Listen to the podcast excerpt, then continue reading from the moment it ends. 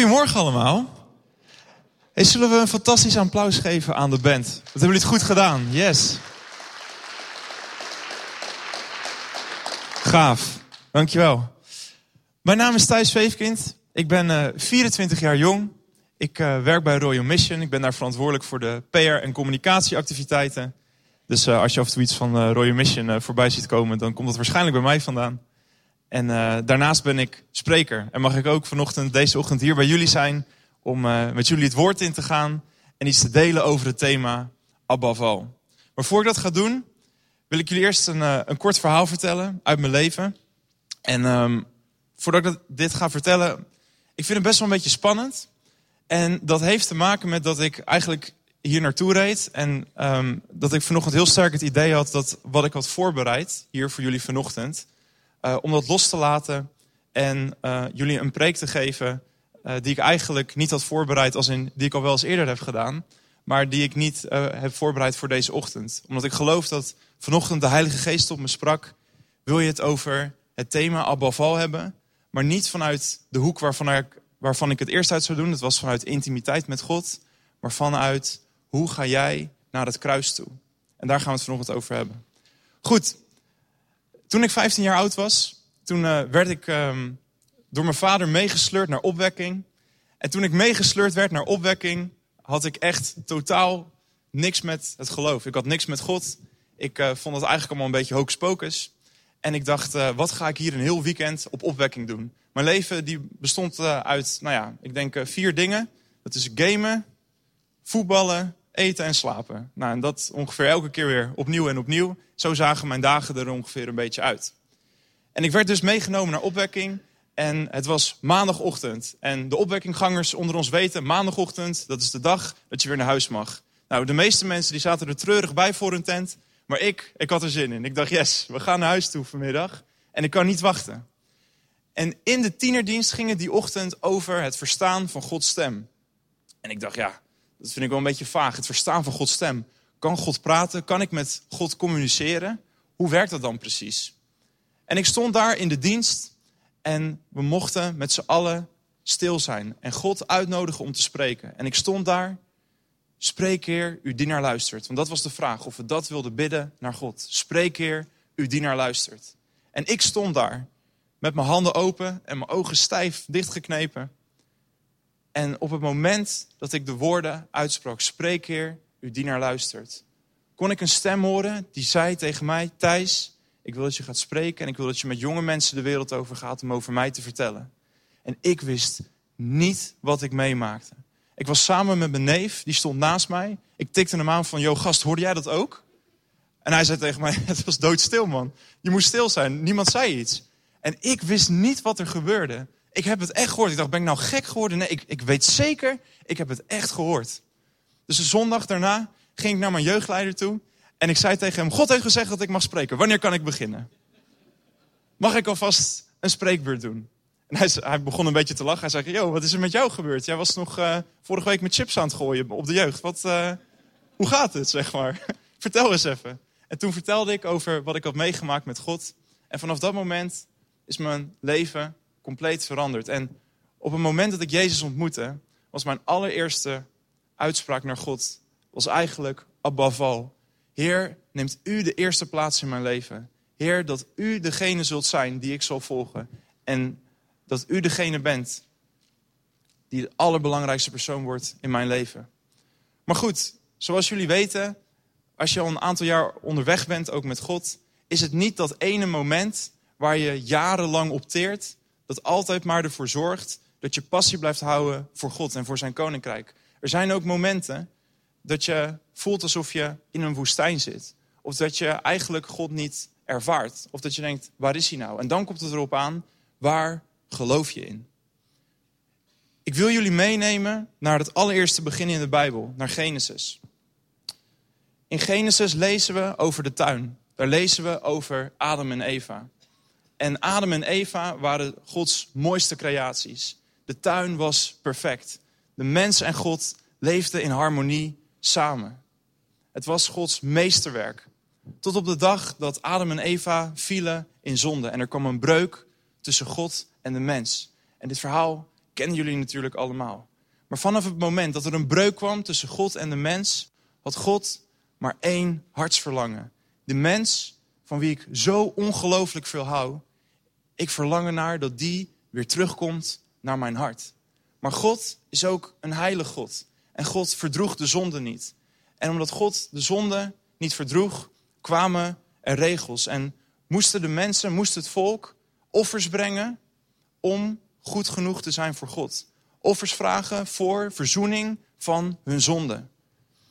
Jullie mogen je Bijbel even openstaan naar Leviticus 1. We gaan lezen Leviticus 1, vers 1 tot en met 10.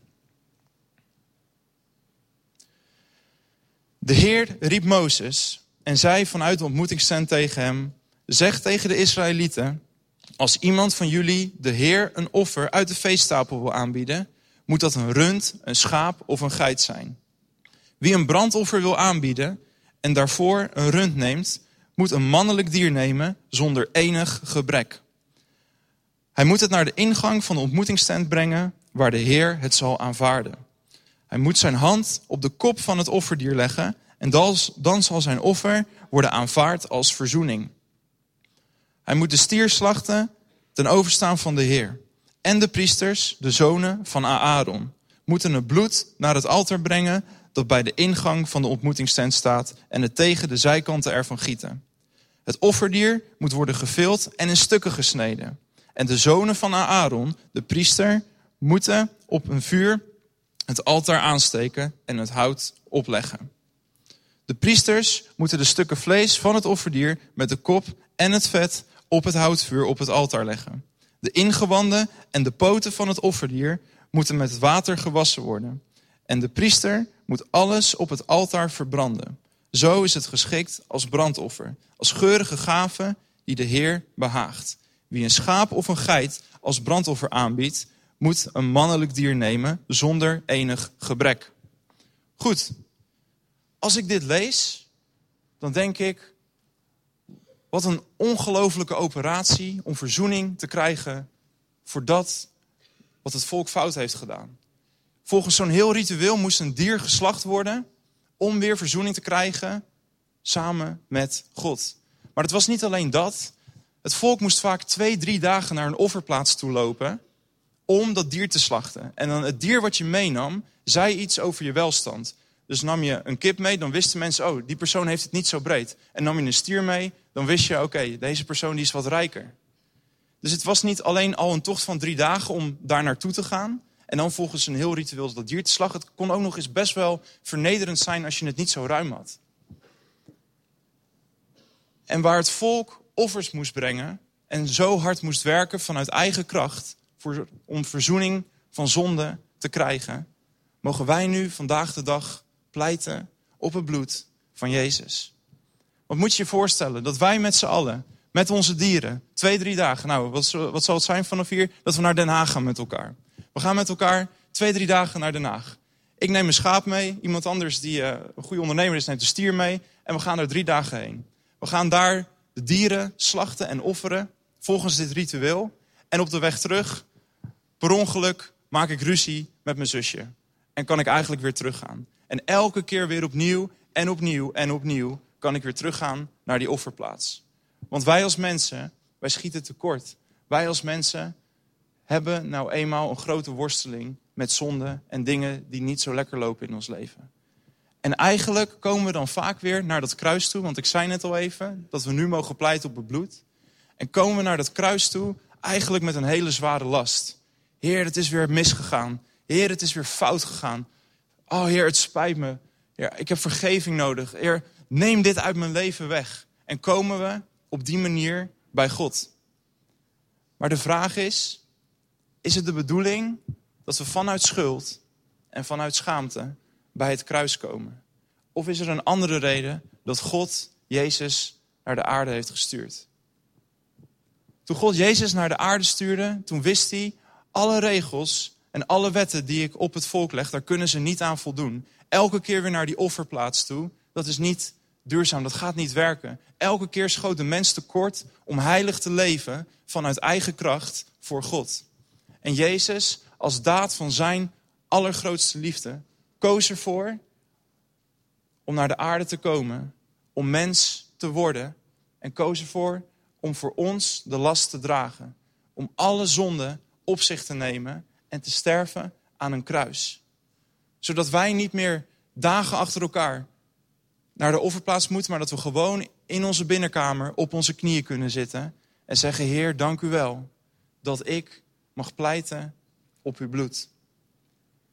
Maar met schuld en schaamte naar het kruis toe komen. Hoe vaak doen we dat niet met elkaar? Afgelopen zomer was ik op de Battled. Zijn er mensen die wel eens naar de Battled zijn geweest? Christelijke camping? Oh yes, heel aantal mensen. Op de Battled was er een super bijzonder moment met een tiener. Ik was, zat daar in het uh, gebedsteam van Royal Adventure, wat we ook organiseren vanuit Royal Mission. En er kwam een jongen naar me toe. En die kwam eigenlijk al met zijn nek gebogen naar me toe. En hij zei, Thijs, ik moet je wat vertellen. En ik zeg, oké, vertel maar. Wat wil je met me delen? En hij zei, Thijs, ik zou zo graag voor God willen leven. Ik zou zo graag over hem willen delen en over hem willen getuigen. Maar ik ben gewoon niet goed genoeg. Ik ben niet goed genoeg. Als je naar mijn leven kijkt, ik heb zoveel zonde waar ik mee worstel. Ik ben verslaafd aan porno. Ik ben verslaafd aan drinken. Ik ga elke zaterdagavond ga ik uit en ga ik achter de meiden aan. En ik maak verkeerde keuzes. Ik rook. Ik ben gewoon niet goed genoeg. Wat moet ik doen om goed genoeg te zijn voor God? En hij, ik zag de tranen in zijn ogen. En het verdriet wat daarachter zat. Hij voelde zich zo ongelooflijk slecht over zichzelf. En we gingen bidden. En ik legde mijn hand op zijn schouder. En ik bad voor hem. En terwijl ik voor hem bad, kwam in mijn hoofd het verhaal van de verloren zoon. En kwam daarbij het beeld dat de vader de zoon een ring geeft die hij om zijn vinger doet. En die ring die staat voor waardigheid. Op dat moment geeft de vader zijn zoon zijn waardigheid weer terug. En terwijl ik mijn hand op zijn schouder had, zag ik daar mijn horloge om mijn pols zitten. En ik dacht, nee, echt niet. nee, nee, nee, nee. En ik ging verder voor hem bidden. En ik, en ik voelde Gods geest op mijn hart kloppen. Wil je je horloge aan deze jongen geven? En ik dacht echt, nee heer, niet dit horloge. Ik heb hem net nieuw. Dat is best wel duur. Ik wil niet dit horloge aan deze gast geven. Maar ik voelde opnieuw God aan mij de vraag stellen. Wil je dit horloge aan hem geven? Als teken van waardigheid. En we waren klaar met bidden. En ik zei tegen hem, ik wil je iets geven. En ik deed mijn horloge af. Ik zei tegen hem, ik wil je dit horloge geven. Omdat elke keer, als jij weer uit bent geweest en je komt terug en je hebt verkeerde keuzes gemaakt. Of je hebt veel te veel gedronken en je komt weer thuis. Of je hebt een verkeerde beslissing gemaakt met een meid. En je ziet dit horloge liggen op je bureau. Dan wil ik dat je weet dat de Vader elk moment voor je klaar staat om je weer met open armen te ontvangen en je waardigheid weer te herstellen. Omdat jij in Hem heilig, puur en rein bent. En ook al zie jij jezelf zo niet, dat is wel de manier waarop God ervoor kiest om naar jou te kijken. Want door de dood aan het kruis van Jezus is niet alleen de weg weer vrij tussen ons en God, is het niet zo dat we alleen maar verzoening hebben gevonden voor onze zonden. Nee, het gaat nog veel verder dan dat. We hebben ook een nieuwe identiteit gekregen. We zijn zonen en dochters van de Allerhoogste God. We zijn koningskinderen. Dankzij de dood van Jezus aan het kruis. En dat thuiskomen bij de Vader opnieuw hoeft niet te gaan vanuit schuld en schaamte. Maar zullen we gewoon eens een keer naar dat kruis toe gaan? Vanuit dankbaarheid. Wat Hij voor ons gedaan heeft. Want zo vaak, hoe vaak is het niet zo dat we weer komen? Ja, Heer, hier ben ik weer. Heer, ik heb weer zoveel fout gedaan. Heer, ik heb mijn buurman weer uitgescholden. Heer, ik heb op mijn werk weer gefrustreerd gereageerd. Heer, ik heb weer geroddeld. Heer, ik ben weer teruggevallen in zonde waar ik al zo lang mee worstel. En als Jezus zegt, mijn last is licht en mijn juk is zacht. Of mijn juk is zacht en mijn last is licht, pardon.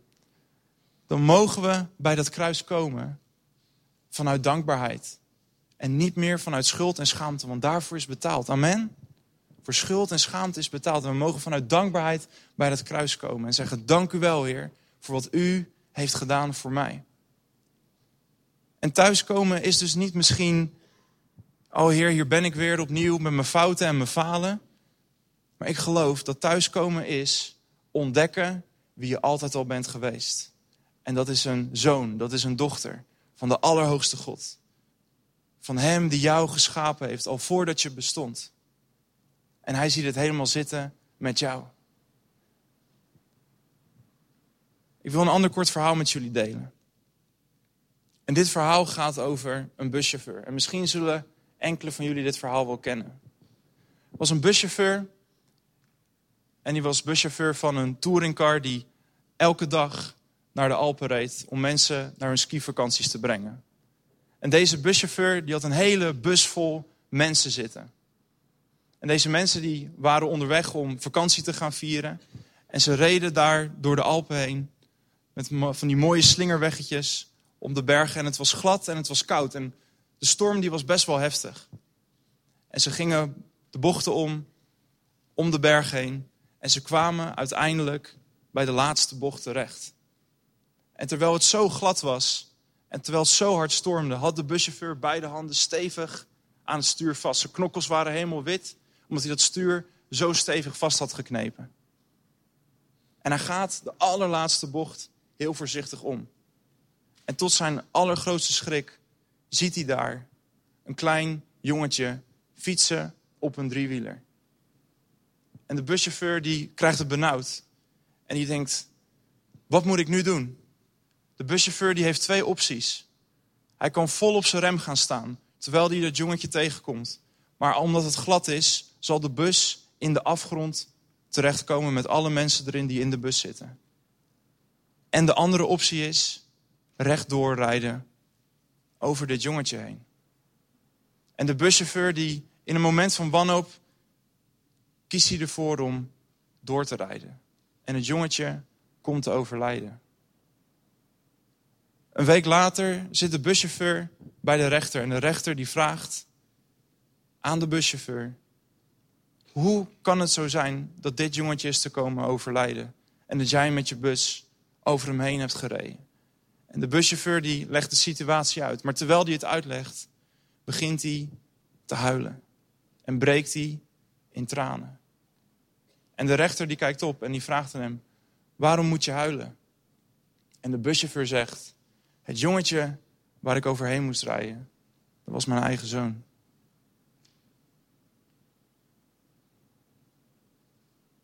En dat is precies wat God de Vader voor ons heeft gedaan, zodat wij vandaag de dag naar het kruis toe mogen komen in Zijn aanwezigheid.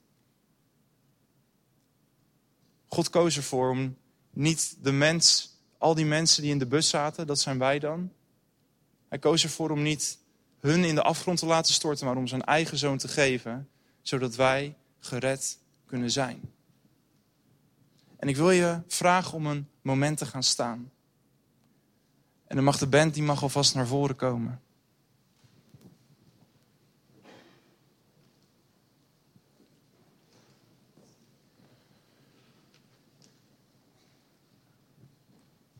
Als we in de Bijbel kijken naar de ontmoetingen die Jezus heeft. Met Zacchaeus, met de Samaritaanse vrouw. Alle ontmoetingen die Jezus heeft, beginnen met een ontmoeting met onvoorwaardelijke liefde. Jezus zegt niet tegen Zacchaeus, Zacchaeus, ik heb nog een appeltje met je te schillen.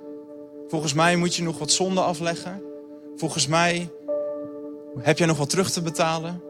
Nee. Jezus zegt, mag ik vandaag bij jou thuis komen eten? Mag ik in jouw huis komen? En dat is wie Jezus is.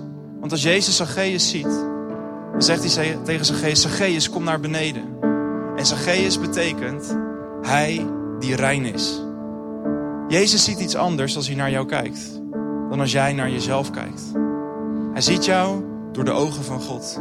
En hij heeft ervoor gekozen om zijn leven te geven voor jou. En ik wil je deze ochtend vragen. Als er dingen zijn waar jij mee worstelt in je leven. Waar je al zo lang mee vecht. Waar je al zo lang mee aan het stoeien bent. Waar je misschien maar niet van af lijkt te komen. gedachten die maar terug blijven komen, die misschien heel destructief zijn. En wat het ook is, ik wil je vragen deze dag om bij het kruis te komen. En niet bij het kruis te komen vanuit schuld en schaamte. Heer, hier ben ik weer. Ik geloof dat er een verschil zit tussen schaamte en berouw.